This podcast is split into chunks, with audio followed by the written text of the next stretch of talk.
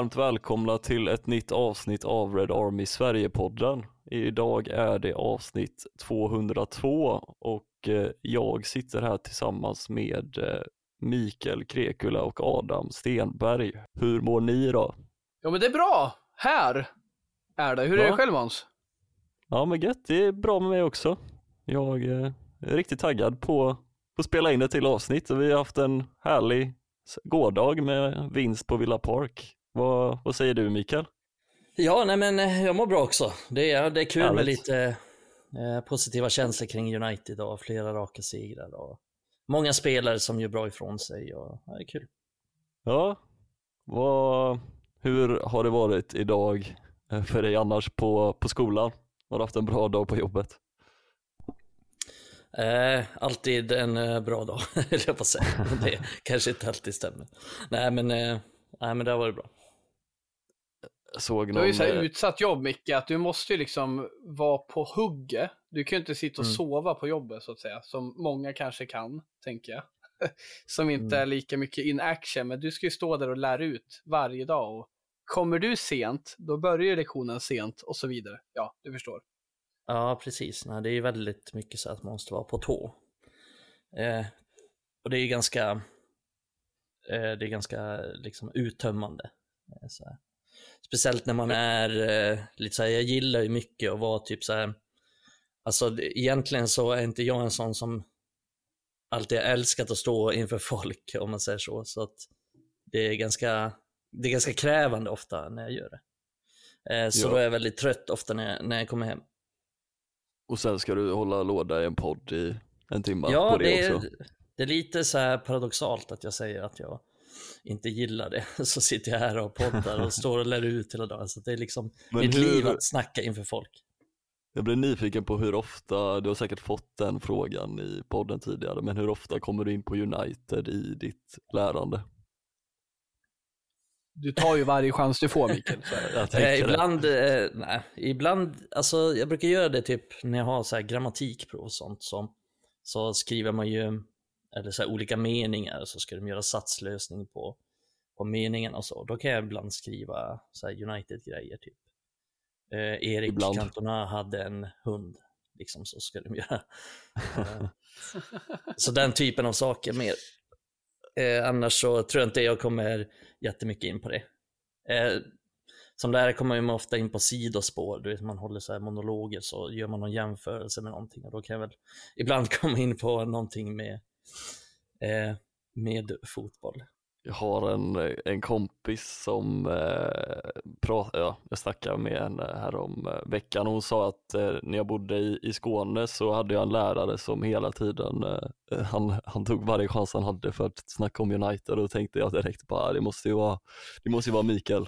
Men eh, hon sa att eh, han, han hette något annat. Äh, nej, jag borde kanske göra det mer. Eh, det var någon gång någon elev som sa till mig att, eh, jag kommer inte ihåg vilket sammanhang det var, men det var någonting, jag drog någon fotbollsreferens. Eh, jag jobbar som idrottslärare också, så att då är det väl rimligt att jag gjorde det. Så sa en elev bara, Mikael, allt handlar inte om fotboll. Det, Du, det är kul det där du- någonstans när, när United kan vävas in, vad ska man säga, i, i jobbet. Jag, jag var på ett kundbesök förra veckan och skulle gå igenom eh, lite rapporter med ett par beställare och eh, en av dem sa det bara, Adam, först en privat fråga. Jag var inne på den här eh, United-sidan, han visste väl inte vad Red Army Sverige hette, men den här United-sidan. Och så tror jag, fan, jag såg det på en bild där från Manchester, var det du? och då var så här, ganska skön icebreaker liksom att börja med, men men det var lite kul, dels så liksom vad vi gör på Red Army Sverige, att, att vi, vi har ju blivit stora, men också det här att kunna prata om United eller fotboll överlag på jobbet. Vi kan avdramatisera mycket och det, det är ju bara kul liksom. Ni hade väl också någon sån där eh, dag på ditt jobb Adam, när ni eh, alla dök upp i olika matchtröjor vill jag minnas. Ja. ja, precis. Det var ju den här eh, matchtröjefredagen för Barncancerfonden. Just. Och, eh, nej, jag tog initiativ, jag tog med mig ett gäng av mina tröjor och sen satte jag på dem på mina kollegor. eh, För de som inte hade det, just som kul initiativ. Så absolut, Ja. det gjorde vi. Och det var så kul att så många var med, för jag sa ju lite att man behöver inte, men här har ni. Och alla bara, började rycka, åh fy fan en halvtröja och sen var vi igång liksom. Så, så det, det, det, var skoj. Och den, den är snart ja. igång igen, så där eh, vill vi att alla ska bidra på det sättet de vill. Om det är så bara en Sverige-tröja så, fan. Det är ett jävla fint initiativ tycker jag. Mm, riktigt eh, bra ändamål. Ja. Jag får se om man kan dra igång något liknande på universitetet. Det är en jäkla bra grej. Men eh, om vi eh, fokuserar på fotbollen som har spelats i, eh, i helgen så tog ju United tre nya poäng. Vi vann i Premier League för tredje matchen i rad och det var första bortavinsten mot en topp 9-klubb på väldigt länge. Eh, vad tänker du eh, om den matchen som vi spelade igår på Villa Park, Mikael? Ja, eh, det är lite, lite blandat så här för att jag tycker kanske inte att det är en superbra insats av United, men eh, tre poäng i, i, en svår bortamatch och ett sent avgörande så att det jag kan inte vara den personen som sitter och gnäller över det. Det, det, det var riktigt skönt och det var um, det, det, var kul att se. Det var kul att se liksom att, som jag sa innan, det, att många spelare gör bra ifrån sig och kul att se att McTominay fortsätter att komma in och göra mål och göra skillnad. Och, det, var, det var mycket som, eh, som var bra i den matchen. En del som var lite sämre också, som vi säkert kommer komma in på sen så småningom. Men det är jävligt skönt att eh, att få en, en seger också i en så pass svår match och så pass viktig match också för att jag tror att hade United förlorat den så tror jag vi hade kunnat räkna bort topp fyra. Eh, speciellt med tanke på att det var mot en topp fyra-konkurrent och sån enorm poängskillnad om vi vinner den jämfört med förlorar den. Eh, så att på så sätt var det också en extra skön vinst och en extra viktig vinst. Det, det var ju enormt viktiga poäng som du säger. Eh, vad, vad tänker du om eh, matchen Adam? Ja, jag, jag, tycker inte det känns bra att vi vann. Eh, för att nu får man ju höga förhoppningar om framtiden. att det finns ju en chans eh, matematiskt, som Micke är inne på. Hade vi förlorat, då hade man ju bara förkunnat att det kommer inte ske. Eh, det är för långt ifrån. Gånger att vi har en för låg lägstanivå den här säsongen. Eh, så, så, liksom, nu börjar man känna att ja, men det kan gå. Men, men liksom, vi har ju kvar de här grundläggande, vi måste vara utan Martinez nu ett par månader, Shaws eh, tillvaro är, är bräcklig. Man ser även det på varann när han springer, han ser ut att braka upp när som helst. Han kan ju inte springa karln. Han gör ju så gott han kan och han är bra. Men man är ju livrädd att han också ska falla ur och sen har vi inte den här stadiga backlinjen som vi varit bortskämda med under januari när Martinez kommer tillbaka lite så. så. Nej men det var, jag tyckte det var jävligt kul att se Go i laget. Det känns som att det det är ett större lagspel nu under januari och februari än det varit innan. Att, jag har ju pratat om tidigare poddar att jag tycker kanske inte vi löper tillräckligt. Där tycker jag vi har sett skillnad i år, eh, 2024, att vi tar ett större jobb. Det känns som att yttrarna, i det här fallet Garnacho och Rashford, har fått instruktioner, till skillnad från hösten, att ta ett mer större jobb. Och att liksom vi måste mer back to basic, att hela lagen måste jobba. Det är lite en känsla jag har förut, är att det är inte så viktigt kanske att alla yttrar ska jobba, framförallt Rashford. Men han har fått tydliga instruktioner där och det känns som att hela laget är med i jobbet och framförallt pressspelet. Som är lite synd är ju att pressspelet dör ju efter vårt ledningsmål. Och det är ju synd, för där vill man ju bara pusha på vidare. Och, men det ser ju väldigt bra ut med pressspel i, i första halvlek och vi gör det väldigt svårt för Villa då. Men allting efter där, det är väl där man vill liksom vill, vill att vi höjer lägstanivån i att varför i helvete tillåter vi släppa in så mycket chanser, släppa till så mycket chanser. Och det är svårt tycker jag att se vart egentligen chanserna kommer ifrån, för i början, när det börjar strula i den här, i början så här, efter målet, då tyckte jag att vi var ett hål centralt, där jag tycker att Main och Casemiro liksom, de, de, de gör vissa saker bra, men de, de håller inte ihop den centrala delen så mycket, så det är lätt att ta sig igenom dem. Det var ju många bollar som bara kunde slås mellan högerback och mittback till exempel. Men mm. sen inser jag ju längre matcher går, att det är även lätt att ta sig förbi på kanten och slå in den snett bakåt och allt vad det är. Jag tycker grunden att vi fortfarande har ett hål centralt. Vi har fortfarande svårt att ta upp deras tia eller inlöpande spelare som förr, men det är även på kanterna, så liksom, vi har att jobba med där. Så jag tycker vi har ju tur att vi inte släpper in fler mål, för vi låter Aston Villa få för alldeles för mycket farliga chanser. men det, det, blir extra svårt mot dem för att eftersom eh, vi spelar ju man-man i många situationer och det hör ju till där att, att det blir hål på mittfältet för att det är väldigt enkelt. Casemiro är väldigt dålig på att försvara en mot en, utan han blir ganska ofta bortgjord. Eh, och det blir Bruno Fernandes också, Maino och inte lika mycket som de andra, men det blir väldigt svårt. Eh, det är en svår situation när det kommer rättvända spelare mot dem och de kliver upp och ska försöka bryta. Men så blir de istället bortgjorda. Eh, sammanlagt, alltså Bruno, Maino och och Casemiro blir bortdribblad tio gånger i den här matchen. Eh, så det är tio gånger bara liksom. De kommer rättvända och dribbla bort våra mittfältare och därigenom ta sig igenom. Eh, så att det är väldigt mycket strukturellt där, att vi, att vi spelar mycket man-man och att det är väldigt svårt att de går bort sig eh, väldigt ofta. Sen är ju Sen är ju många av de händelsestyrda, som Bruno Fernandes kan kan vara en sån som bara kliver på eget bevåg fast det inte är så smart att göra det. Eh, Casemiro kan också göra eh, sådana saker vilket lämnar ännu större hål eh, centralt. Så att alltså, Aston Villa utnyttjade det ganska mycket att eh, de tog sig förbi våra mittfältare och skapade liksom de här numerära överlägen. Så nej, det, det är ju det. Eh, jag tycker inte att det är någon skillnad mot hur det har varit hela säsongen. Vi släpper till väldigt mycket chanser fortfarande. Och, och det är ungefär samma problem vi har. Eh, att det, det, är alldeles för lätt att ta sig förbi vårt mittfält och komma rättvända mot vår försvarslinje. Och, och, det är ingenting som, jag vet att man tänker sig att United har tre, fyra raka vinster och nu har saker förändrats. Men det jag tycker, tycker har förändrats egentligen, det är ju sådana här små saker, men framförallt kanske att att många spelare har blivit väldigt mycket bättre. Om vi tänker på offensiven till exempel så är Höjlund, Garnacho, Rashford eh, väldigt mycket bättre nu än de var under, under hösten. Och det syns ju ganska tydligt till exempel på Höjlunds målproduktion nu jämfört med tidigare. För att det är inte så att han får jättemycket fler chanser nu eller så, utan han, han är helt enkelt bättre nu och det gör, det gör stor skillnad eh, för laget. Sen är ju många andra väldigt bra också, så här, inte individuellt, som Eh, Onana gör sin bästa match för säsongen och gör inte han den här bästa matchen för säsongen, ja, men då, då vinner vi inte den här matchen. Så är det.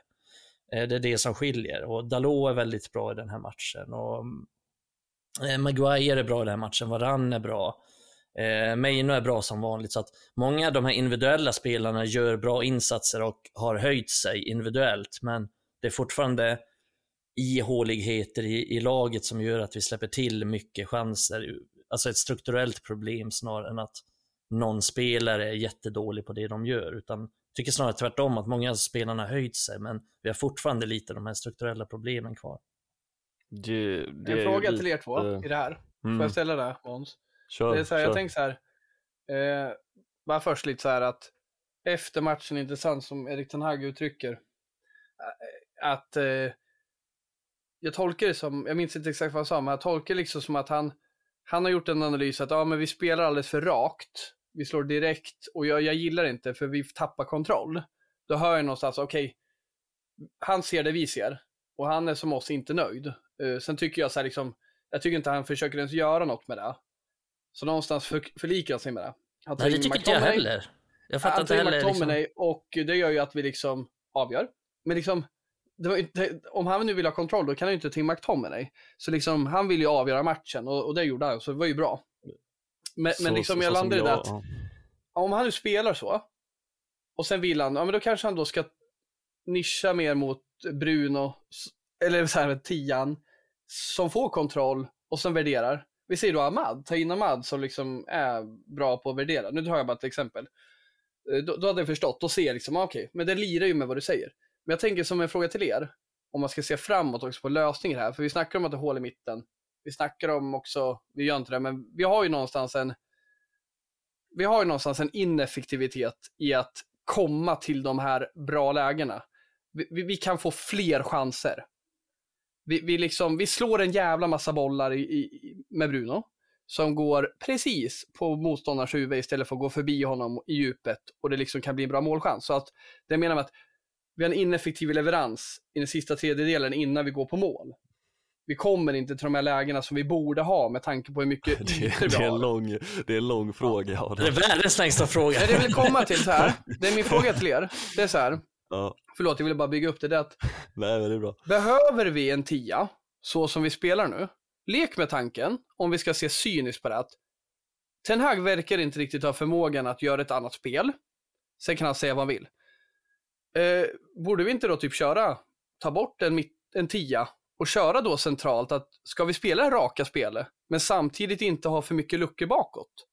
Där liksom Maino kan vara ett ankare, vi kan ha en spelare som är kreatör och sen kan vi ha Casemiro som är gubben i lådan och som kan ersättas som McTominay. Det är väl liksom inte lika beroende av vilka det är som spelar för vi är tre centralt. Men som det är nu lite, jag fattar inte varför vi ska ha en tia när vi bara slår långt. Förstå mig rätt. Bruno kanske ska vara en av de här tre mittfältarna då, för att han kan slå långt.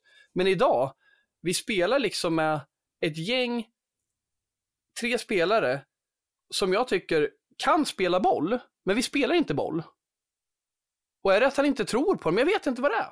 Jag vet inte. Alltså, de, de gillar ju att spela disco, både Casemiro och, och Bruno.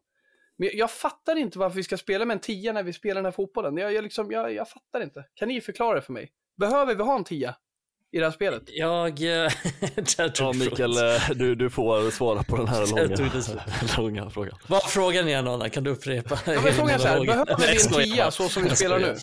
Jag skojar bara. Ja, Eh, men nej, ni, men- ni, ni, det är lugnt, för jag är fan luddig nu. Men alltså min fråga är enkel. Nej men jag fattar. Vi jag spelar ett långt spel, men vi har en tia, jag fattar inte det. Eh, det är intressant att du tar upp det, för jag tänkte faktiskt på det idag. Eh, jag började tänka, jag såg om lite av matcherna här. Eh, så jag tänka, vad har Bruno för roll egentligen?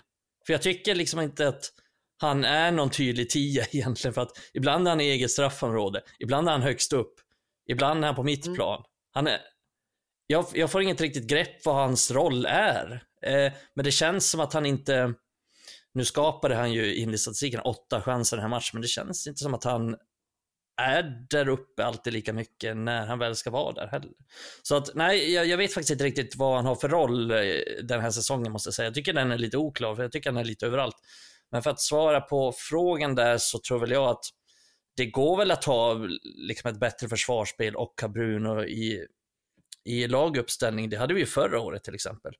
Men vad jag tror är, alltså det är svårt att säga, men det känns väl som att mycket av våra problem är också att vi vill pressa väldigt högt och vinna tillbaka. Alltså det är Erik Ten Hags anfallsspel, liksom. det är det han vill, att vi ska pressa högt och kunna vinna bollen och sen slå en, liksom, direkt, vinna bollen och direkt få ett friläge typ. Det är så han vill skapa våra chanser, men det resulterar ju också att laget blir ganska långt och backlinjen står fortfarande ganska lågt för att vi står ju inte särskilt högt om vi jämför med lag som Liverpool och City så kan man ju ibland se, jag såg eh, Citys match mot Brentford och så var det en lite rolig bild när man såg att typ eh, Ruben Diaz som var längst ner var i princip nästan utanför Brentfords, precis utanför Brentfords straffområde. Och han var den som var längst ner av Citys alla spelare.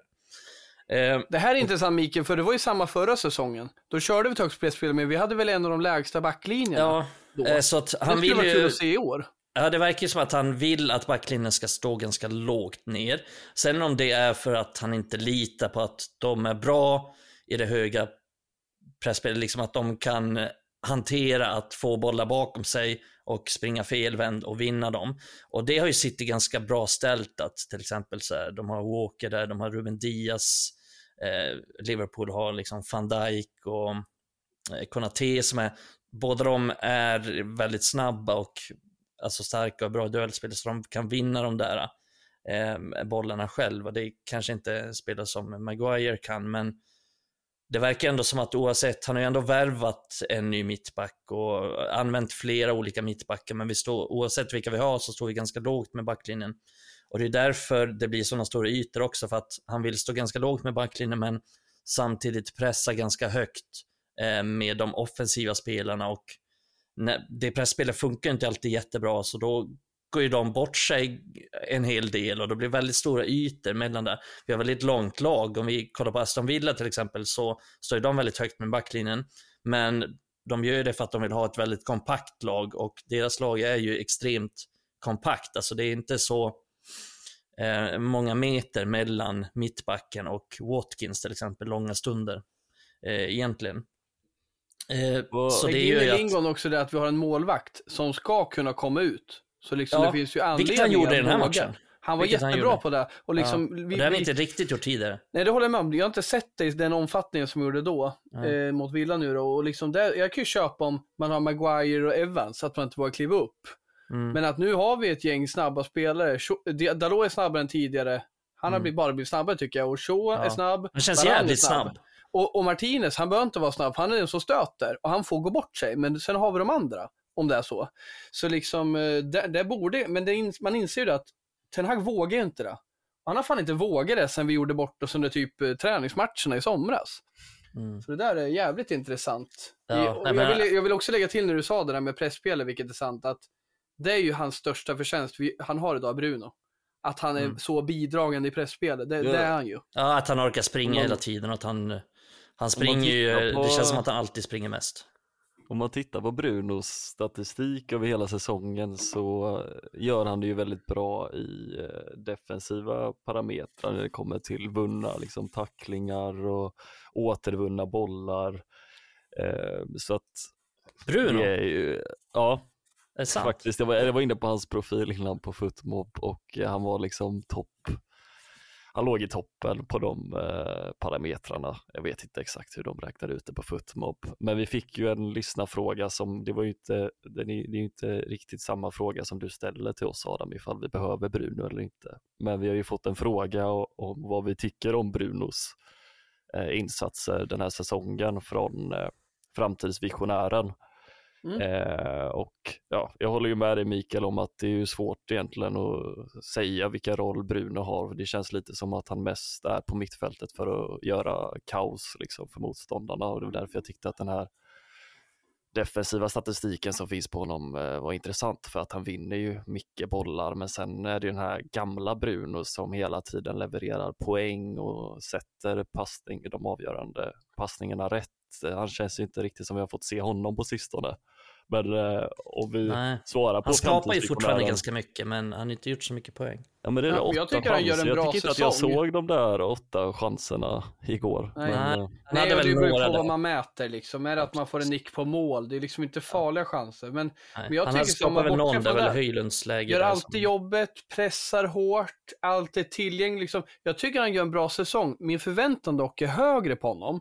Men det jag Mm. ifrågasätter det här liksom att ska vi ha en tia eller inte? För vi spelar inte så. Jag tycker inte vi nyttjar funktionen en tia, ska inte som jag ser på det. här. För att liksom, ha- han är lite som Mikael säger, han, han har tagit en roll där han är som någon slags vaktmästare och öppnar dörrar i alla håll. Men liksom, han måste ju, för mig handlar det om att få lite mer kreativitet och värdering i den Mm. rollen. Och där är liksom, han lider ju någonstans av att få för fria tyglar. För att skulle, ja, så här, nu kanske inte han har riktigt förmågan heller. Han är rätt jobbigt under press och sådär. Men liksom, man skulle ju vilja att han värderade mer, tar det mer lugnt. Och sen slår absolut. Men jag tänker som vissa av de här passningarna han slår nu. Ska han slå dem sådär jävla mediokert liksom, då är det fan bättre att han slutar på kanten istället och safear. För alltså, det, han slår bort jävligt mycket bollar återigen. han hade ni länge. velat se någon annan i, i, istället för honom i, i samma roll? Eh, det var det framtidsvisionären uh, frågade också. Alltså i samma roll så, så tror jag inte att... Men det spelar ju ingen roll då Måns. Vi, vi kommer Vi fortfarande någon inte använda en tia. Det är ju det. Jag tror inte det är så här om man heller ser till liksom så här tio egenskaper så är det ju ingen i laget som är bättre än vad han är. Nej, och säg att Ahmad spelar, vi kommer ju inte få effekt av honom heller. För Nej. vi, vi behöver ju ingen 10 i det här spelet. Vi kan lika gärna spela 4-3-3. vi har kör någon inget, vi använder inte nej. mittfältet. Nej, vi, precis. Och det var det jag såg sist. Vi hade typ något så här, vad fan, räkna ut, min matte är ju kass. Med 4-1-5 såg det ut som vi hade på plan. Ja, visst. Vi Ja, använder det var- knappt mittfältet. Ja, vi hade backlinjen, spelar roll, spelar roll så här, spelar runt, spelar roll. Och sen såg jag att alla var längst upp. Och sen spelade vi runt, nej men de, de kommer inte slå bollen. Då började liksom Bruno komma ner och det var någon mer som kom ner. Men de låg väl som de skulle. Det ska slås långbollar på chans i djupet. Och det går ibland. Vi har ju impact players. det, de reagerar jag på mot eh, Aston Villa att vi slog en hel del bollar som Martinez, eh, målvakten i Aston Villa, tog väldigt lätt. Det var som att vi gick miste om det där djupledshotet för att passningarna alltid, aldrig nådde riktigt, eh, ja, de var inte tillräckligt bra för att komma bra i djupet. Jag tror att vi gick miste om flera chanser på det sättet. Mm. Det är väl det Ten Hag menar med så att vi, hans, nu var det du som tog upp det Adam, jag har inte riktigt läst vad han sa. Men det var ju någonting där med att eh, vi inte hela tiden behöver gå framåt och att vi behöver värdera bättre och ibland hålla i bollen. Och det har han ju, det har han ju rätt i såklart, men jag tror också att det var en ganska tydlig taktik från United med tanke på att ja, men på förhand var det givet att vi alla vet att Aston Villa står ganska högt upp och United är extremt bra på att löpa in bakom eh, backlinjen med Rashford, med Garnacho, med höjden som alla de tre är superbra på det. Så att det är rimligt att, eh, att United försöker slå över backlinjen, men sen var det väl ganska dåligt utförande många gånger där. Det var någon gång mm. Casemiro hade ett väldigt bra läge att slå, slå den över och så slog han den för lång och så såg man liksom hur förbannad han blev på sig själv för att han insåg att fan det är så jävla bra lägen vi får så att han förbannar sig själv över att han eh, själv slog de här eh, ganska dåligt ändå. Eh, han brukar ju, han är ju bra på att slå dem tycker jag. Han är bra på att slå avgörande passningar, Casemiro. Mm. Men fick inte riktigt till dem i den här matchen och det är väl där som det kunde ha varit lite bättre. Och där kunde det väl ha varit lite bättre hela säsongen också. Det är det United har flay, flay, vad fan säger jag? fallerat mycket på under de... Fellaini tror du skulle säga. Fellaini, Fellaini kom in och avgjorde. Fellaini kom in. Det är en spelare du har orimligt mycket förtroende för, Mikael. Fellaini. Jag tror det bara är för att han är så kritiserad. Annars det för att han har dejtat uh, Blondin-Bella? Va? Ja, just det. Jag, jag läste någonting om, om det. Visst är det så? Ja. ja. Är det hon som är med i Melodifestivalen eller? Nej, jag tror inte Va? det. Hon... Eh, det är svårt att säga. Hon, uh, hon var väl Sveriges mest lästa, hon hade ju Sveriges mest lästa blogg väldigt länge. Jag vet inte om hon fortfarande toppar ja. den statistiken. Fan, det känns som att Men, hon har försvunnit lite senaste åren. Jag vet inte riktigt vad hon gör. Jag tycker vi skapar en Blondin Bella-podd och så kör vi, varvar vi med det varje vecka också. Så får vi eh, Vi kom in ut. på konstiga saker som Blondinbella till exempel. Vadå, så ni menar, är de ihop eller? Nej, nej för fan. Då var, hon visste inte ens att han spelade fotboll. Ja, men hon, hon hade träffat honom lite kort, något sånt. Alltså en ja, kort period. Jag minns att jag läste det, var, för några år sedan. Det var en liten kort fling bara i, ja. i Kina tror jag. Jag hade en dröm om att Fellaini ska dyka upp typ i Nyköping. Eh, eh, så här, starta pizzeria eller något. Det hade varit vackert. Man hade känt igen honom i alla fall. Det hade man gjort. Hade du låtit Jävlar. han eh, svarva kebaben på din favoritpizzeria? Eh, han tar över kebab Hade, hade du litat på honom? ja, lätt alltså. Ja, det, är, det enda som hade fått mig att inte beställa via distans hade gått dit. Och... Hela skön gubbe det där alltså. Han har många historier tror jag.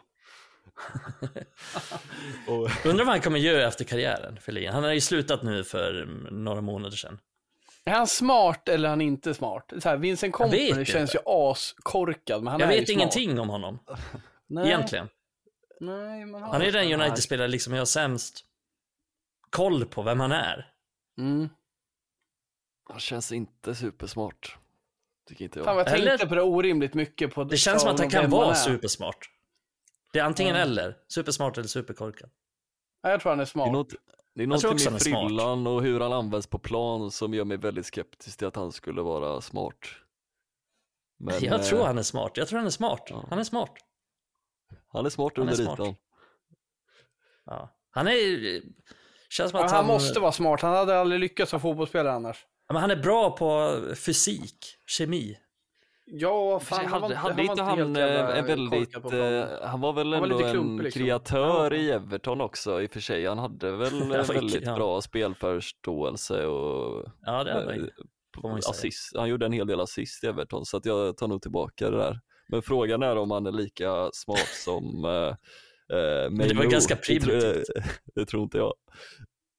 det var ju bara så här, det var inte så att han gjorde så här, en sjuk genomskärare. Nej, han nickar ner bollen eller bröstar ner typ. Ja det var, ja, jag, vet, jag såg faktiskt aldrig han spela Everton, jag såg bara hans poängstatistik. Fan vad Men, bra han eh, var om- att brösta ner. Jag tänker så här, om, om man ska göra en studie på nerbröstningar i fotboll, då skulle man väl ändå bjuda in honom. För han är ju, Han är han var ju världens bästa. Studio på världens bästa nedbröstningar. bröst. ja men typ han och Zlatan kunde ju lägga ner det som en, ja, jag vet inte, som en blöt filt över sig. Liksom. Ja. Nej, men, det, har, det eh, har ju inte riktigt McTominay, men McTominay har ju samma samma liksom det kanske, slutresultat det kanske är där du har hans yrkesroll efter karriären Mikael, att han har världens bästa bröst. Han får hitta på någonting eh, Ja. och eh, använda sig av dem. Han har nog väldigt mycket brösthår också. Ja det har han. Passa på pizzeria. Vad Ja, faktiskt. McTominay, för vilken jävla nick inte på en det där är. pizzabagare som inte har hårigt bröst. Nej, för fan, de är otäcka. Det kan aldrig vara gott. Nej, Mac- Vaxade McTominay- bröst, fy fan. McTominays nick är ju helt jävla otrolig. Ska vi gå in på McTominays eh, Ja. nick eller? Ja, måste vi göra. Eh, eller ska vi... Det är ett eh, otroligt Ja, inlägg. men först leveransen till det, det är det bästa inlägget jag sett i år. Det är så här när Beckham och Neville slog inlägg på inlägg. Ett klassiskt, ja men fy fan vad fint det inlägg är. Ja. Förstå själv att kunna möta den med pannan. Beckham och Nevilles kärleksbarn Dalot. Neville, eller Beckhams elegans och Nevilles jävla grip. Ja det är ett jävla inlägg alltså. Fy fan vad bra inlägg det är. Ja. Det är bra Jag vet inte om inlägg. ni håller med mig, men jag vet inte om jag har sett ens typ mer än ett bra inlägg från Dalot i en match den här säsongen. Eller någonsin. Och nu slog Nej. han tre, fyra fantastiska Ja. inlägg. Och Fan, det, det var lite en svaghet. eh, Just det. jag har alltid varit mästare på att slå bort den så att den kommer till nästa ytterback. Ja, det är alltid för långt också. Det är så. Ja, han tar i så han skiter på sig, men nu, fan, det där håller på att bli en komplett jävla ytterback. Jag, jag tweetade om det igår. Det finns snart ingen att syna hos honom. Liksom. Det, han, han är ju fan skitbra. Men jäklar Ja, vad han det- har höjt det är hans- eh, den här Alltså säsongen. får han, får han till liksom det spelet i sista tredjedelen, Ja. eh, som han ju ändå har fått lite de sista matcherna, då är han fan i mig det, extremt det, var jävla ju, bra. det var ju som du säger, det var ju inte bara det där målgivande inlägget i slutet till McTominay utan det var ju, det var speciellt ett inlägg till som också var så jäkla eh, on point alltså. Mm. Eh, Men jag tycker det är lite orättvist att säga att det är första gången han börjar slå inlägg för att eh, jag vill ändå minnas att han, eh, när han hade en bra höst i fjol, att han slog en del. Men helt klart. Men gjorde han det? ut- Du får gärna skicka klipp till mig. Hörru, Ja, men jag, helt leta upp, jag letar upp dem efter. För alltså det jag tycker han gjort bra, det är lite snett bakåt när du liksom inte riktigt sätter till bredsidan och curlar in den. Mm. För, för det är som Mikael säger, det blir alltid för långt. Och det är samma AVB, har ingen bra inläggsfot, men då slår man den eh, snett bakåt och är lite mer kreativ sådär. Men att liksom tillslaget där, det är bra. Och det som är fint med Dalot som vi bara ser mer och mer och mer av nu, offensivt, han, har, man har ju kunnat klandra många för att vara fotbollsdum i det här laget. Men han tycker alltid varit smart och har också tekniken att ge sig tid med en bra touch, Mm. att kunna värdera. Vänta in spelare, slå den i rätt djup. Sen har han också ytterligare den här dimensionen, man märker att han har coachat han. För förra säsongen, då var han väldigt mycket mer centralt, han var inverterad, skulle vara som ett bidrag i pressspelet, i kontrollen. Men nu har han även bara tryckt ytterkanten, Cafu-style liksom. Trycker på och sen slår inlägg. Och då blir det ju så också, det här är intressant. Ingen rök utan eld. Det kan ju vara så också att man tränar mer på att göra överlapp och inlägg. Det kanske man inte har gjort historiskt, eller något. För, jag vet inte om du håller med mig, men så mycket som han gör överlapp den här säsongen har jag fan med aldrig sett honom göra. Kanske har- de första åren under eh, hans karriär i United, men inte nu under Ten Hag. I synnerhet inte de tidigare åren, för de har knappt fått spela när AVB haft eh, första flagg. Men han har format något slags samarbete med Garnacho tycker jag som, som ser ganska bra ut. Eh, De har, han kom, jag håller med, han kommer mer på, på överlapp. Men det jag tycker att han inte får cred för, som jag tycker att han har extremt bra, det är hans fysik. Eh, och det tycker jag folk underskattar väldigt mycket och inte ger honom cred för. för att Ja men jäklar vinner- vad bra han har blivit i närkamperna nu. eh, ja, han är här så jävla bra i närkampsspel, han är bra i luften, han är, han är extremt kraftfull och snabb och Och det är ju mer intressant att prata om, för det är ju där han har fallerat totalt tidigare.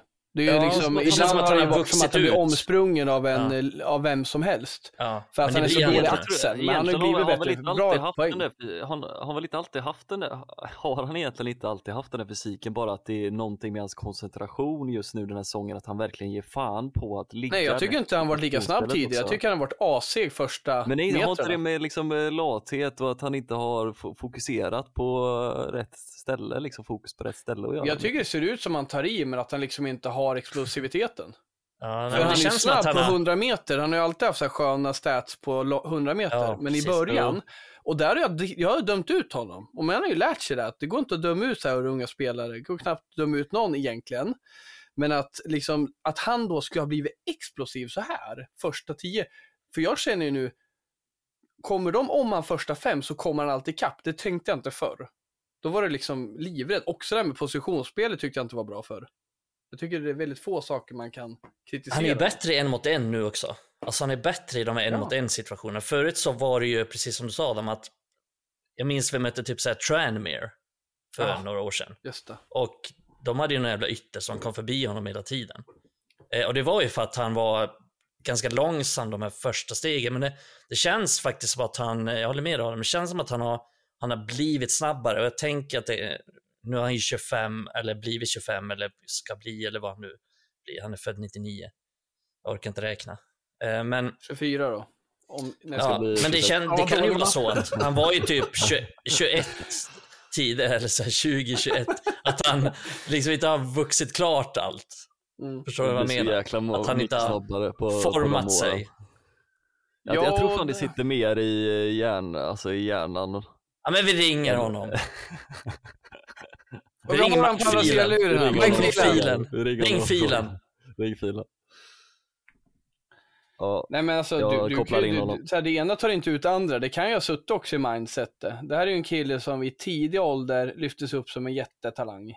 Och så här, jag, jag tycker inte jag såg från början att han gav allt. Det är klart han försökte, men jag liksom, han har nog insett att ja, men fan, jag måste lägga lite mer nu än jag gjorde i U16-laget i Portugal, där jag var bäst. Nu måste jag fan med kliva på om jag ska vara med och han har ju fått den chansen.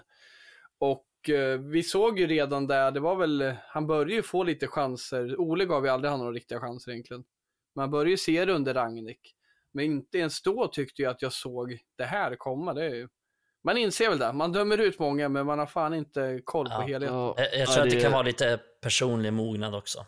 Eh, Så att han det- tar träningen seri- mer seriöst. eh, ja, jag, eh, Lite sådana saker också tror jag definitivt. Att det Jag tror det sitter i huvudet och att Erik Ten Hag verkligen har visat, nu har väl uh, Wan-Bissaka varit skadad en del, men jag tror också att Erik Ten Hag, jag tycker Erik Ten Hag bör få en liten del av kakan också, att han har visat Dalot att han tror på honom och säkert spelat en liten roll. Jag kommer ihåg, eh, jag tror jag skrev en artikel om det faktiskt i fjol, om eh, när Dalot blev intervjuad och pratade om eh, hur viktigt det hade varit att få in Erik Ten Hag och att det var, gjorde det skillnad med en tränare som trodde på honom. Så lite cred till Ten Hag också. Men jag tycker vi lämnar Dalot och så skulle jag vilja fråga er om jag tycker att Onana, jag tycker vi får ge han någon minut till också. Eh, tycker ni att han gör sin bästa match hittills i United-tröjan? Eh, tycker du det, Mikael? Jo, men det, det får man väl säga att han gör utan att liksom minnas så här 100% säkert på rak armen. Nej, han är ju i stort sett felfri i den här matchen och jag tycker att han har alla delar i den här matchen. Att han, han eh, gör de här avgörande räddningarna, men eh, som vi pratade om innan också, att han är mer av en sweeper i den här matchen. Han kommer ut och avstyr många anfall. Eh, ganska många faktiskt, där, ju. framförallt första halvlek. Säkert tre, fyra gånger han kommer ut och eh, och avstyr. Och det är det man förväntade sig av honom och som de Gea till exempel aldrig gjorde. Eh, Men det har han inte riktigt visat förrän nu, så jag tycker han gör en komplett insats idag, så det är nog definitivt hans bästa insats. Och eh, Adam, är du också enig med Mikael om det? Ja, men absolut. Det var en, det var en, det var en riktigt bra insats. Vad kul att se liksom att jag tycker vi, när vi blir pressade i slutet på matchen så, ja men det var ett, ett, en sekvens där man var lite stressad över honom, lite stressad över Lindelöf och Maguire, men de försöker spela sig ur och det gynnar oss i längden och det gillar jag. Jag delar Mikaels tanke där att liksom man ser han mer som en sweeper-keeper den här matchen och hoppas vi får se mer av det.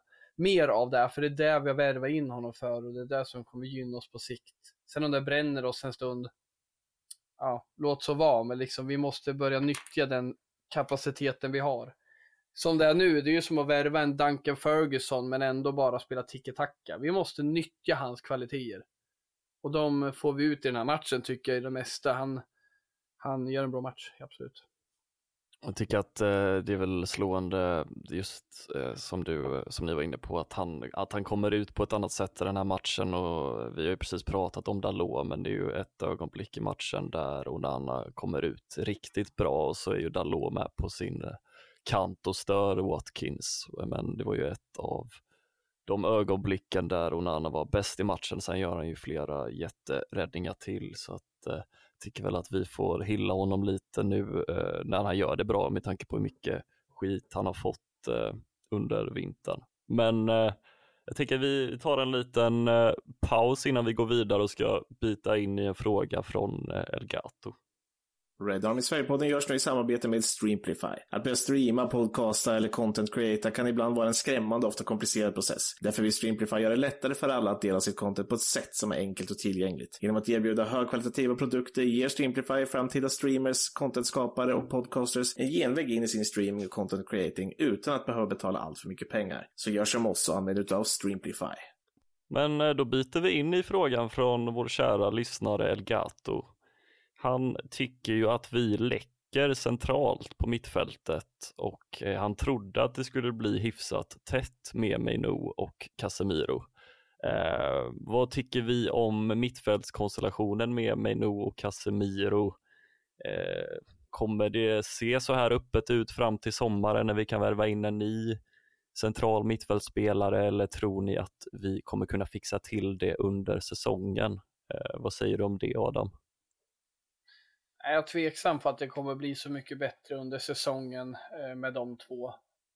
Vi, vi säger att vi skulle ha en, en annan spelare än Bruno som, eh, vad ska man säga, mer strukturerad i en annan roll och stöttar dem. Det är väl det som behövs. Men jag tror vi ska ha Bruno i som tia och nyttja den tia-rollen rätt. Och jag tror att liksom eh, vi behöver göra något i sommar. Ska vi få tätare centralt, då behöver vi nog se över hur vi liksom ställer upp oss. För jag tycker att Maino är en defensiv trygghet någonstans. Men han kommer inte kunna axla ansvaret defensivt själv med, bakom Casemiro och Bruno. Jag tror inte Casemiro kan göra det åt andra hållet heller. Så, så, så liksom, de behöver stöttning. Jag skulle gärna se någon som, liksom, som, som kan vara en kreatör på det här mittfältet men även ta ett stort jobb i pressen och i hemåtjobbet på ett annat sätt än Bruno. Liksom Bruno kommer inte gå och vinna de nickduellerna och vinna de närkamperna som den här spelaren jag tänker. Men jag tänker en spelare som är en central mittfältare med kreativitet. Vi har då Casemiro, tvåvägsspelaren, och vi har Meino som en sexa. Där tror jag på, på liksom kort sikt, kommer vi få ihop det? Jag tvekar med det här materialet. Vi har liksom Amrabat, vi har McTominay, Eriksen, Bruno inte den. Men att jag tror inte vi kommer se bättre ut ju mer tid vi gör Casemiro och Meino. Liksom. Det, det, det är fortfarande ett bräckligt par där, tycker jag. Mm. Eh, jag tycker det är ganska uppenbart att vi kommer behöva värva till sommaren en, en spelare som är defensivt stabil på det centrala mittfältet som vi kanske hoppades att Amrabat skulle vara eller att Casemiro skulle vara lite längre till. Men i, i det stora hela så tror jag inte det handlar så mycket om dem som individer. Det kommer inte spela så stor roll om vi har Eriksen, Casemiro, Amrabat, Meino eller McTominay eller Mount eller sådär, utan jag tror att oavsett vilka som spelar eh, så är hålen ganska stora och då behöver man ställa sig frågan, är det en, liksom är det en spelarfråga eller är det en taktisk uppställning? Och för mig så, så är det ganska solklart att det handlar om, om den taktiska uppställningen i det här, att det helt enkelt eh, ges för dåliga förutsättningar för att de ska vara stabila centralt. Eh, sen kan man prata om de här instruktionerna som spelarna får. Vad är deras uppgift? Hur ska du spela?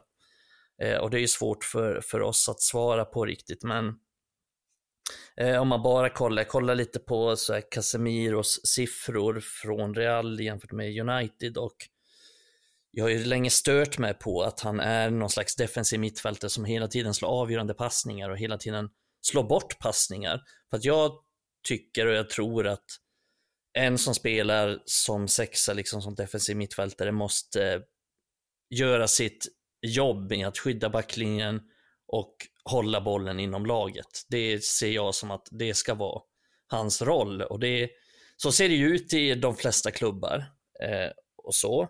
Men eh, i United så snittar han ju knappt 80% i passningsprocent och han, han slår bort mycket hela tiden. Eh, och försöker slå mycket avgörande bollar, vilket får mig att tro att han har tillåtelse att göra det. Mm. Och jag har nog aldrig riktigt sett en defensiv mittfältare. Om ni tänker liksom alla klubbar, när ni kollar olika matcher, ni ser aldrig en defensiv mittfältare som hela tiden står och slår avgörande bollar. Det är väldigt sällsynt. Det var ju Blackpool för 14 år sedan. ja, exakt. Så jag var nyfiken när jag tittade på hans passningsprocent i Real kontra United. Eh, och då var väl kanske inte Real kända som något stort så här, bollinnehavslag. Alltså Real har ju alltid, även om de kanske haft mycket boll, så har de alltid, det har inte varit deras signum som Barcelonas till exempel. Men då hade han, eh, så här, på hela säsonger i Real så hade han eh, 88 procent, sen hade han 87, sen 83, sen 83, sen 85, sen 88. Eh, och United förra säsongen så hade han 77% så det är en ganska stor, stor minskning i passningsprocent. vilket får mig att tro att jag tror inte att han slog så här många avgörande bollar och slog bort så här, ja, det är ju fakta, han slog inte bort så här många bollar i Real. Eh, och det är ju för att han slår svåra bollar, han försöker slå avgörande bollar, han försöker, eh, han försöker avgöra precis som Bruno försöker göra. Eh, så det känns som att hans roll är lite märklig. Eh, Tror han lever lite drömmen nu, det är som att han har hoppat upp i, ja. hoppat ner hos eh, ett lag under. Ja, alltså jag sa ju det för, i någon eh, podd. Ja, du har sagt det, jag känner igen det. Ja, eh, då sa jag ju någonting i stil med att det känns som att han liksom spelar skolgårdsfotboll. Han spelade på riktigt, sen slutade han, eller kanske bättre att säga att han, ja, att han har gått ner och spelat korpen fotboll. Mm. Eh, och det gjorde jag också när jag slutade spela. Eh, när jag slutade spela senior tävlingsfotboll så att säga. Så spelade du, du spelade inte det på Old Trafford? Nej, precis. Så spelade jag korpen en säsong. Och fan vad kul, för jag var ju försvarare typ hela mitt liv. Och fan vad kul det är att bara gå upp och dribbla lite och slå avgörande bollar och klacka lite. Och det känns som att Casemiro har gjort det. Han har kommit till United för att få leva ut sin brassedröm om att få slå lite avgörande bollar och få, få göra lite mål, få göra lite snygga grejer. Men det är lite som Marcelo som spelade i eh, Real. som, man kan ju se Marcelo, jag vet inte om han spelar fortfarande, Eh, men man kan ju se att han spelar som tia i en jävla strandfotbollslag i mm. Brasilien. Men det är samma som Roberto Carlos, han spelar väl typ central mittfältare i Fenerbahce på slutet. ja men exakt. Ja, det är också sådär, men nu är det, dags, nu är det min tid i Nu är det min tur, jag har gjort det jävla skitjobbet. Jag längre, nu ska jag få vara Men äh, betyder det att svaret på frågan är äh, nej från ditt håll, Mikael? Ja, jag, jag vet inte. Från svaret att brassar gillar att byta position jag, inte vad, jag minns inte vad frågan var, men jag tror att det är ett eh, strukturellt problem att de har fått Ja, men han får ju uppenbarligen tillåtelse att göra de här sakerna, för han får ju spela inte, varje match. Det är inte Casemiro som tar semester på eget bevåg, han får semestern från Erik Ten Hag. Ja, nej, han tar den på eget bevåg, Erik. men Erik Ten Hag vågar inte säga nej. Ja, han tillåter väl den någonstans, tycker jag också. Men eh, sen är det inte meningen att jag sitter här och gör något karaktärsmord på Casemiro, utan... Eh, men om vi... Jag tänker det, är, det är ett strukturellt blir, problem helt enkelt. Det är oavsett vilka vi har. Problem, men om vi skulle starta nästa säsong med Casemiro och Meino som centrala mittfältare, det är vår liksom ordinarie uppställning, då har vi dem. Skulle du vara nöjd med det eller skulle du vilja se eventuellt en annan spelare bredvid eh, Meino kanske på mitten? Eh, ja, det skulle jag, för jag tror inte att Casemiro kommer hålla en, en hög nivå nästa säsong. Jag tycker att han har eh, blivit sämre och sämre, eh, tyvärr.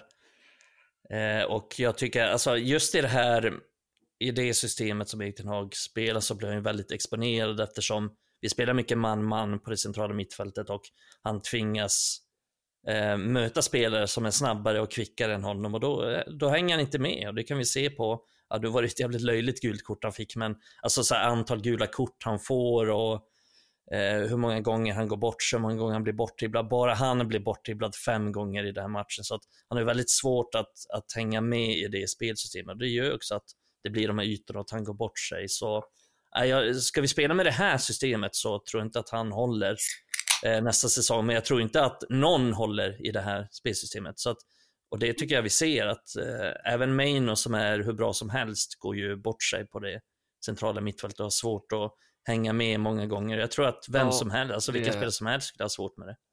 Jag, eh, när jag såg matchen igår så tänkte jag faktiskt mycket på det, hur högt upp eh, Meino eh, befann sig i flera perioder av matchen för att pressa och sen så kom Aston Villa farandes så det är lite svårt att se hur det egentligen ska fungera. Men innan vi lämnar matchen bakom oss så tycker jag också att vi får ta upp vi måste ändå ta upp Scott McTominay för han har ju nu gjort eh, tre poäng på sina tre senaste inhopp, två mål och en assist på totalt 60 minuter.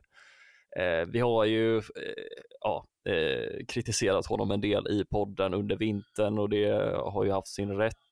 Eh, det har funnits en grund till det, men jag tänker efter den här insatsen Eh, vad säger du Adam, eh, ifall det kommer bud på McTominay i sommar, eh, vill du att han ska lämna United eller hur ser du på hans eh, framtid? Eh, kan han vara vår Ole Gunnar Solskär eh, framgent eller eh, tycker du att vi bör sälja honom ifall vi får in eh, eh, rätt sorts bud i sommar? Nej, alltså skulle vi veta att han, all, han aldrig ska starta och att han bara har rollen som inhoppare och det blir så, Eh, mm. Då kan jag väl leva med det, för liksom han kan ha kommit in och, och, och onekligen avgöra matcher och det har han gjort i alla olika tränare och upplagor tycker jag. Men liksom det blir ju aldrig så, så jag är ju rädd för att det blir liksom att ja, ah, här har vi en kille som fan gör vad jag säger på träningarna och inte helt jävla bångstyrig. Så jag mm. startar mm. honom nu som aldrig gjort. Så liksom jag vill, jag vill att vi, det är en spelare vi kan få in pengar för, jag tycker det är en bra fotbollsspelare som borde få speltid hela tiden i en eh, klubb som lirar med hans nivåer. Typ mm. West Ham. Så jag, jag ser gärna att vi säljer honom. Och det är ju så här att jag vill inte ha in massa snedsitsar som vi har in som den här yttern som hoppar in ibland, den här mittfältet som hoppar in ibland. Det kan jag köpa med en ung talang som liksom är på väg framåt. Men han är ingen talang längre. Så, så jag, jag, tycker det är dags att säga tack och hej. Och det är jobbigt för det är en bra gubbe, alltid känner oss väl. Så han, han har gjort sitt bästa utifrån sin förmåga. Men liksom vi behöver titta framåt och jag tror liksom det är samma så här, ska vi starta McTominay match? Nej men jag vill inte det, för han är så oinvolverad i vårt spel. Och det är okej okay, sista 15 minuterna, då är det High Chaparral. Vi behöver göra mål. Men, men han, han, bidrar för lite i det totala spelet. Så jag vill säga tack och hej då. Och, och, det är även andra spelare som jag kan tycka är bra under våren, men som man kanske ska säga tack och hej till för framtiden. Och, och det är ju det jag vill i sommar, då vill jag titta framtid.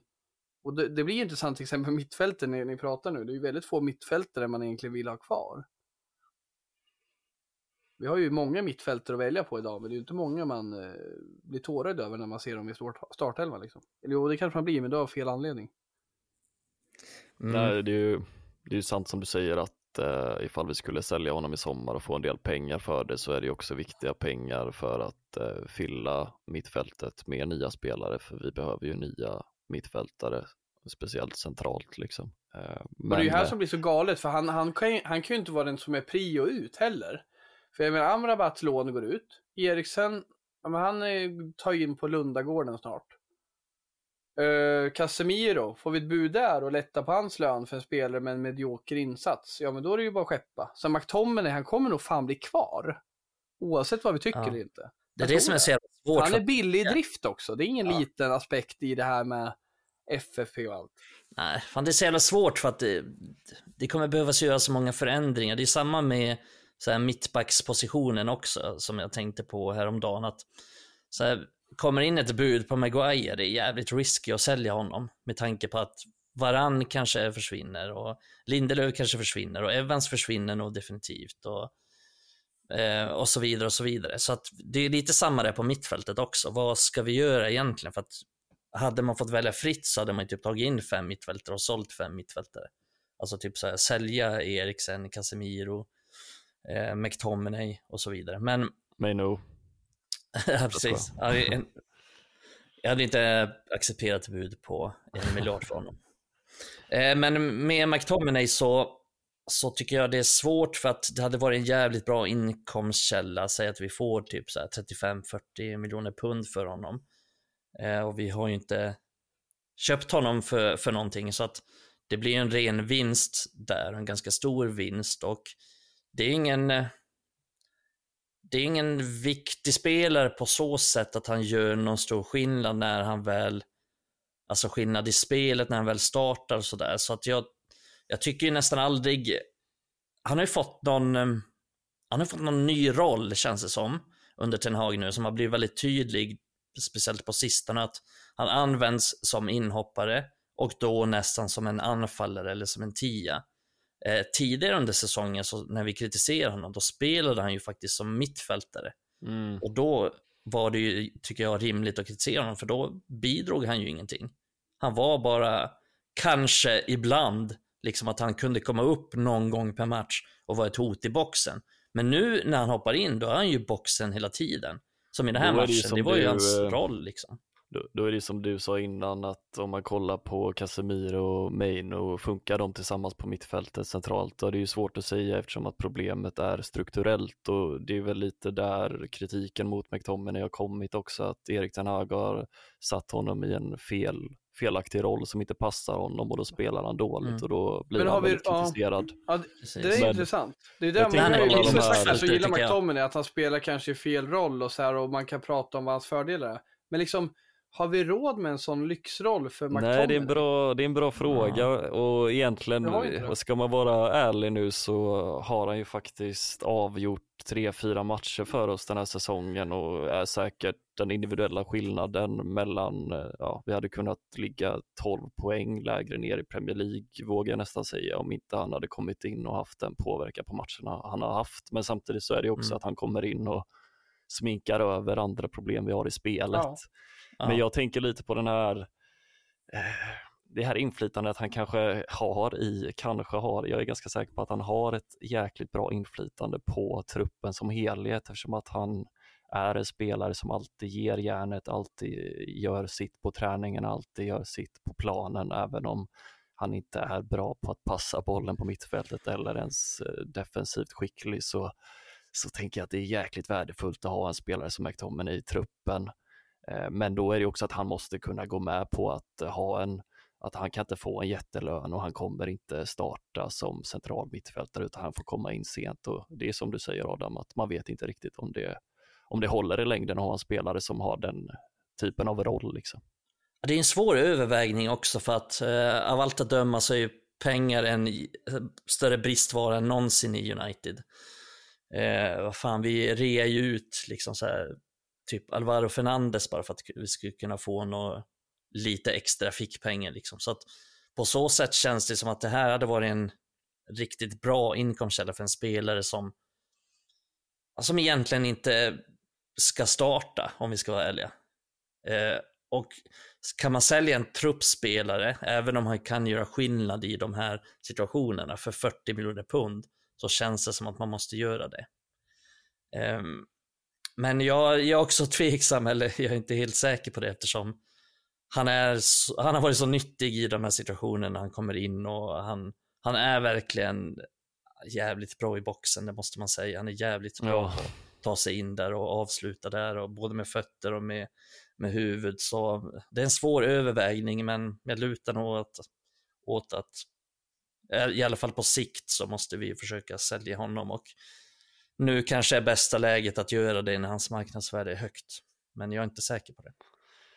Nej, det är ingen lätt fråga. Jag tänker att ni som lyssnar, ni får jättegärna ehm, eh, ja, skriva på, på Twitter till oss på Raspodden vad ni tycker om eh, McTominays eh, framtid i klubben, ifall vi borde satsa på att ha kvar honom eller inte, för det är ju ingen lätt fråga. Eh, jag tänker att vi får röra oss vidare här i körschemat och eh, vi har ju fått en fråga från Axel Johansson. Eh, Det har kommit nyheter om att eh, Radcliffe vill att United går för spelare som har ett år kvar på sitt kontrakt när vi signar nya spelare. Eh, har du några tankar om det Adam? Jag tänker osökt på Juventus en gång i tiden. De hade svart bälte i att signa spelare på fri transfer. Och inte nu. Nej, men det låter ju som affärsmän. Det låter ju som att man liksom utgår från någonstans eh, supply and demand. Liksom att, ja men fan de här, den här klubben har en spelare med utgående kontrakt. Han är skitbra, men han är inte särskilt nöjd. Och vi kommer behöva sälja medan han, vi kan få en slant för honom. Så det är ju bra och, och man liksom garvar för man tänker sig att vi fan vad vi inte haft koll på någonting. Och vi har snarare varit åt andra hållet, att vi köper någon för jävla mycket dyrare än vad han är för att vi är så jävla ostrategiska liksom. Ja, men det, det, låter ju, Mount, det låter ju rationellt. Mount jag tänkte på det förut ju, när... Mount är ju en sån spelare och ändå betalar vi 60 miljoner pund. Han hade ju bara... Ja, men vi fattar ju inte liksom. Och det där är ju som tur gamla räkenskapsår kan man hoppas att eh, de som höll på med det, de, de gör något annat då. När vi sätter nya organisationen. Jag, jag tänker osökt på det, när Mikael pratade förut om Maguire, vilket jag håller med i sak, att liksom Maguire kan vi inte sälja riktigt för, för att eh, ja, men, han är ju någonstans tillgänglig. Eller så här, vi kan sälja, vi måste tänka klokt när vi väljer Maguires framtid. Men där tänker jag till exempel så här, en sån som Louis Dunk, som Mikael en gång jämförde Harry Maguire med. Det var väl fyra år sedan nu. Att Hur fan minns du det? Ja, men jag minns allt, jag glömmer aldrig. Jag är som en... Eh, Skriver ner saker jag säger. ja, men jag har en hel jävla vägg hemma med grejer du har sagt som jag ska håna dig för i framtiden. Nej, men jag minns det, om jag ska återberätta, jag skrapar på ytan här, men jag minns någon gång du var lack på Maguire. Det var innan alla bara hatade Maguire, för då började du älska honom, tänkte jag. Nej, men du har ju alltid försvarat honom, vilket hedrar dig, för du har rätt. Vi ska fan inte... Nej, men vi ska fan värdera honom på rätt sätt och han är inte så dålig som han har sagt. Och där har du hållit flaggan högt, Mikael. Men det vill komma till att du, du sa ju någon gång då att ja, men Maguire, det är lik, liksom, vi hade lika gärna kunnat värva James Tarkovsky eller Louis Dunk. För det är den leveransen vi fick av Maguire för fyra år sedan, typ. Mm. Men eh, vi betalade jättemycket mer. Men, men tänk då att Louis Dunk har ett år kvar på kontraktet och vi kan få honom för 20 miljoner pund. Ja, men det kanske är värt att sälja Maguire till West Ham för 35. Och sen får vi en mm. hyfsad liknande leverans. Så liksom jag ser ändå möjligheter med att sälja McTominay och Maguire bara vi får in rätt. Och det kan ju vara så här att vi går in på någon, tja, vi har förstått att ni är ett år kvar på kontraktet, vi behöver mittfältare, kan, kan vi göra en affär här? Så, så, jag ser ju verkligen hur de tänker där och, och Juventus var ju fan mästare på den gången i tiden. Och det handlar ju om strategisk planering, att ha koll på det där. Du kan ju inte komma liksom i juli. Du ska ju ha koll redan i november, lokalisera och slå till i januari. Och har du spelare med dig då, ja, då kommer de dyka upp på din arena i sommar liksom. Så ja. det där är jätteintressant alltså. Och vi pratade om FM innan Måns. Det är fan enkla ja. grejer. Inputen kan vi fan, vilken jävla FM blir det som helst ta in. Det är enkelt. Men, men, men, vi har aldrig gjort det enkelt för oss United under Glazers. Så det, det här vore intressant att se. Och det finns ju sådana spelare, återigen. Skitbra spelare, har en bra tillvaro, men de är ett år kvar på kontrakt, United rör av sig, det är klart det är intressant. Mm. Det finns ju några sådana, jag tänker också så här, jag håller på skriver en text faktiskt eh, om lite liknande, eller så här hur man kan bygga truppen framöver. För att till mm. exempel mm. så tycker jag att vi behöver en, eh, vi behöver en ny striker, men då kanske en som är mer så här reserv till Höjlund eller komplement till Höjlund. Ingen mm. liksom Harry Kane, utan kanske en spelare vars kontrakt är på väg att gå ut som vi kan få ganska billigt. Och det är intressant att du tar upp Juventus för att då hade de ju, jag tror att de hade Marotta som, heter han så? Marotta tror jag han heter, eh, som sportchef. Mm. Han är ju nu i Inter och de gör exakt den typen av saker nu också. Så Marotta är ju samma sak i Inter nu som man, mm. Mm. man gjorde. Jag såg idag att de kom överens med, vad heter han, Taremi eller någonting sånt som striker i Porto. Eh, på free transfer, så han kommer till sommaren till Inter. Så att den typen av värvning, alltså typ, nu har inte jag så stor koll på han som striker, men en sån spelare hade ju varit väldigt bra som är liksom så 27-28, eh, är ganska pålitlig målskytt som kan vara en, en anfallsreserv till Höjlund och acceptera det någonstans. Eh, och då har jag kollat lite så på vilka spelare vars kontrakt inte går ut i sommar men som har ett år kvar eller går ut i sommaren. Och det är ju en sån som Callum Wilson till exempel i Newcastle som man skulle kunna kanske norpa till sig liksom i en om man, man kan åtminstone hör, höra med Newcastle och liksom Mm. försöka få honom ganska billigt. Eh, eller så här, nu blir inte Ivan Tony billigt tror jag, men han har ju också ett år kvar på kontraktet bara. Så att man kan ju försöka få den typen av, av spelare som någonstans accepterar en liten, en lite mindre roll, vilket jag tror Kellen Wilson till exempel skulle göra. Och samtidigt kan vi då satsa på Rasmus, låta han utvecklas, men Ja. också ha liksom någon slags... Eh, Så behöver vi inte lägga så mycket täckning. pengar på det. Vi Nej. behöver inte lägga, det är samma där med, Det vore sjukt Maguire. kontraproduktivt att ta in typ Ja. Kane. Vi säger så här, Berbatov vi gjorde den värvningen en gång i tiden. Han kunde nog fan förlika sig med att eh, han inte är first in line när vi har Wayne Rooney. Men skulle Berbatov komma in idag, då ska han bara, fan jag ska ju spela. Jag är ju stjärnan Mm. här liksom. Så, så vi måste ju verkligen vara rätt där så det inte blir någon obalans. Nej, precis. Och liksom, är, han får ju inte kosta för mycket heller. Alltså, nej. Och det är lite Nej, det jag jag... ska, ju komma för att spela för klubben också, inte för något Mm. jäkla lönekuvert liksom. Nej, men det är det som har varit lite grejen på mittfältet också, typ så här, som man tror jag försökte få med Amrabat. Eh, en som kan acceptera att sitta på bänken och som har rätt... Och Han det tjänar jag inte att, så jäkla mycket va?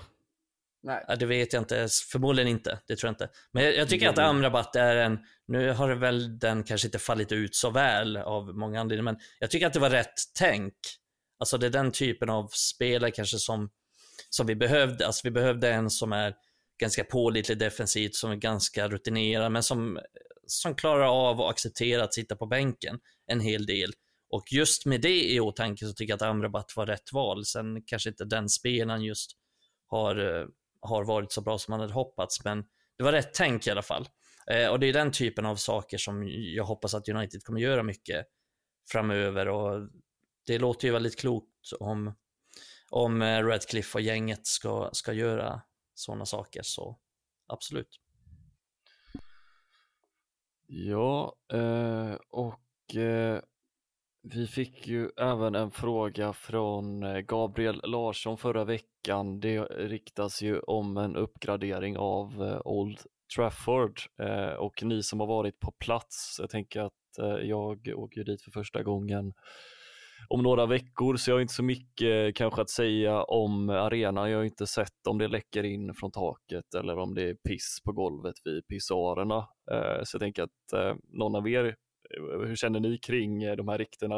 Eh, Var arenan ska, om det blir en ny arena på ett annat ställe eh, ganska nära där Old Trafford ligger idag eller eh, att expandera dagens arena och eh, eh, låta den stå kvar där den är idag. Det är lite olika alternativ som Gabriel har skrivit här, men eh, jag tänker bara hur ni, hur ni ser på arenans eh, planerna kring arenan. Eh, är det någon av er som har tänkt något på det?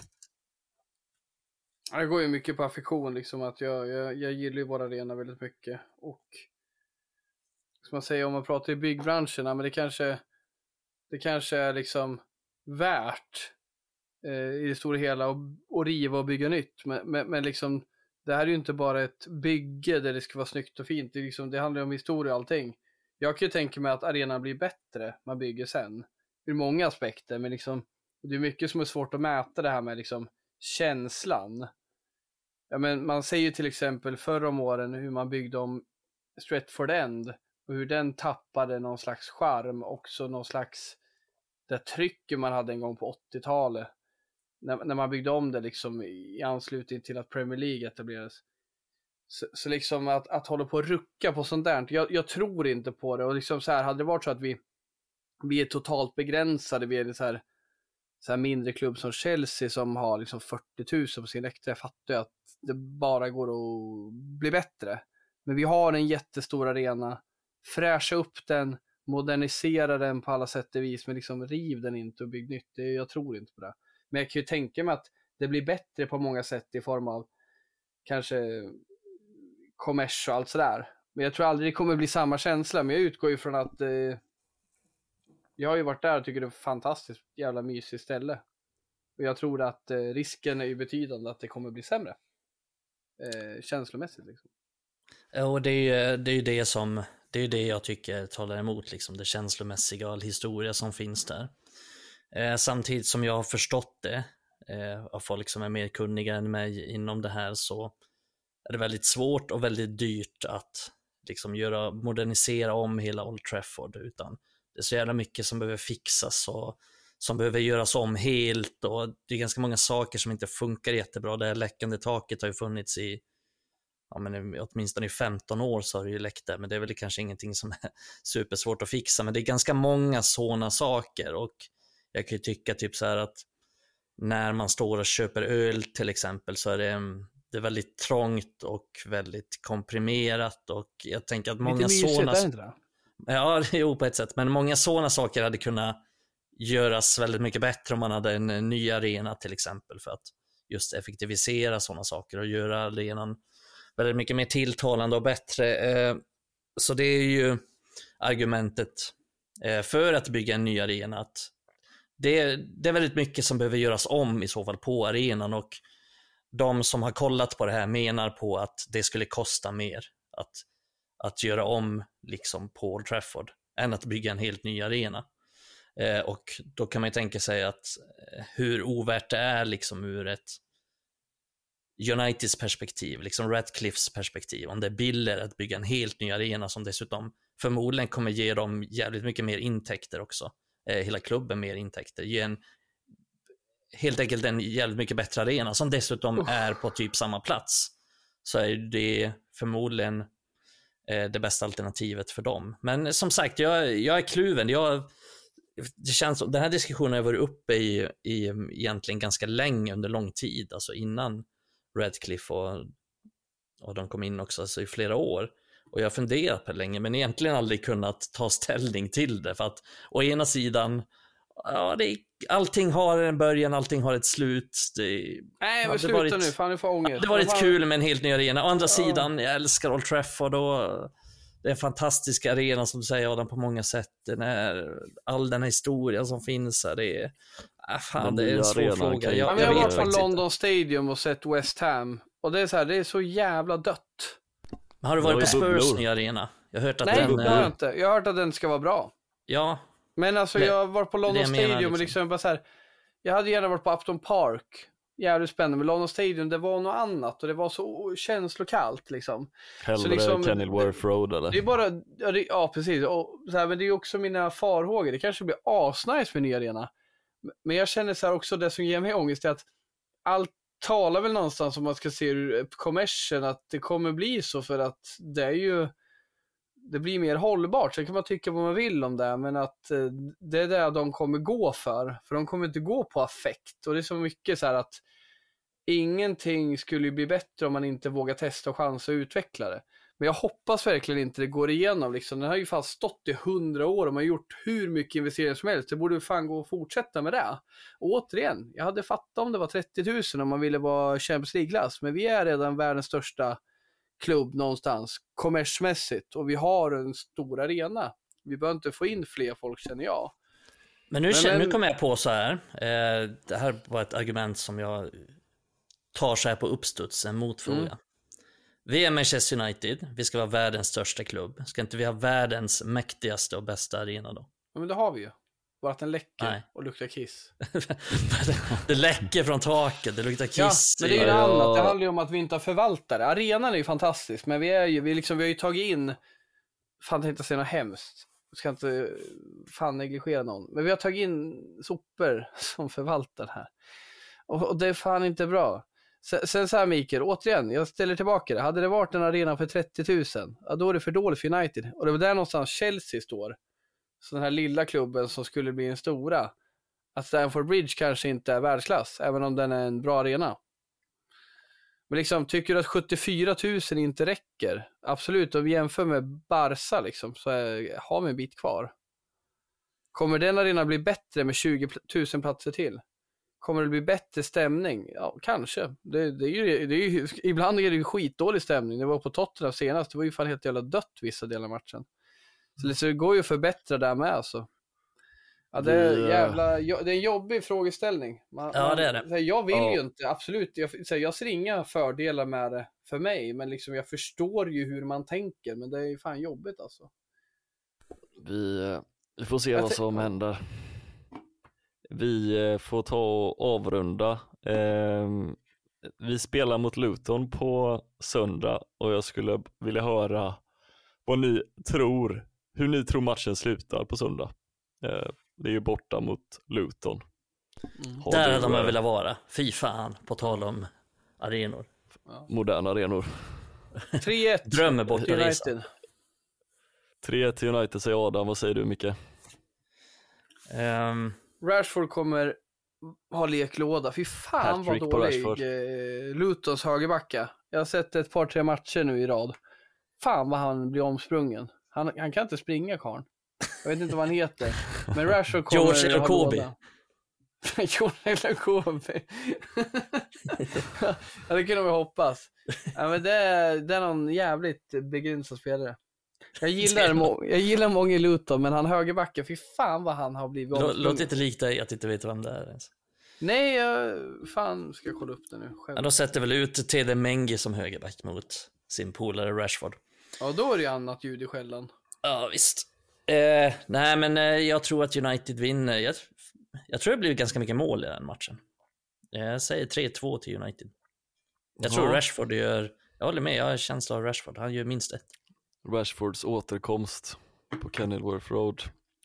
Jag tycker också matchen på förhand luktar väldigt många mål. Eh, Jag skulle vilja säga, jag hade tänkt säga 4-2 men nu, när du sa 3-2 nu mycket så tror jag att jag säger, jag säger fan 5-2. Åh, fy fan, resultat. Jävlar Måns. Det det- har roligaste- börjat, har det börjat, vi roligaste har vi börjat haft- göra mål på sistone. Det roligaste jag haft med resultat, det var ju när någon fick frågan om drömresultat. Jag tror det var Rasmus och han svarade 2-2. Ja, var det inte Melk? Vilken Var det jäkla dröm. Melke?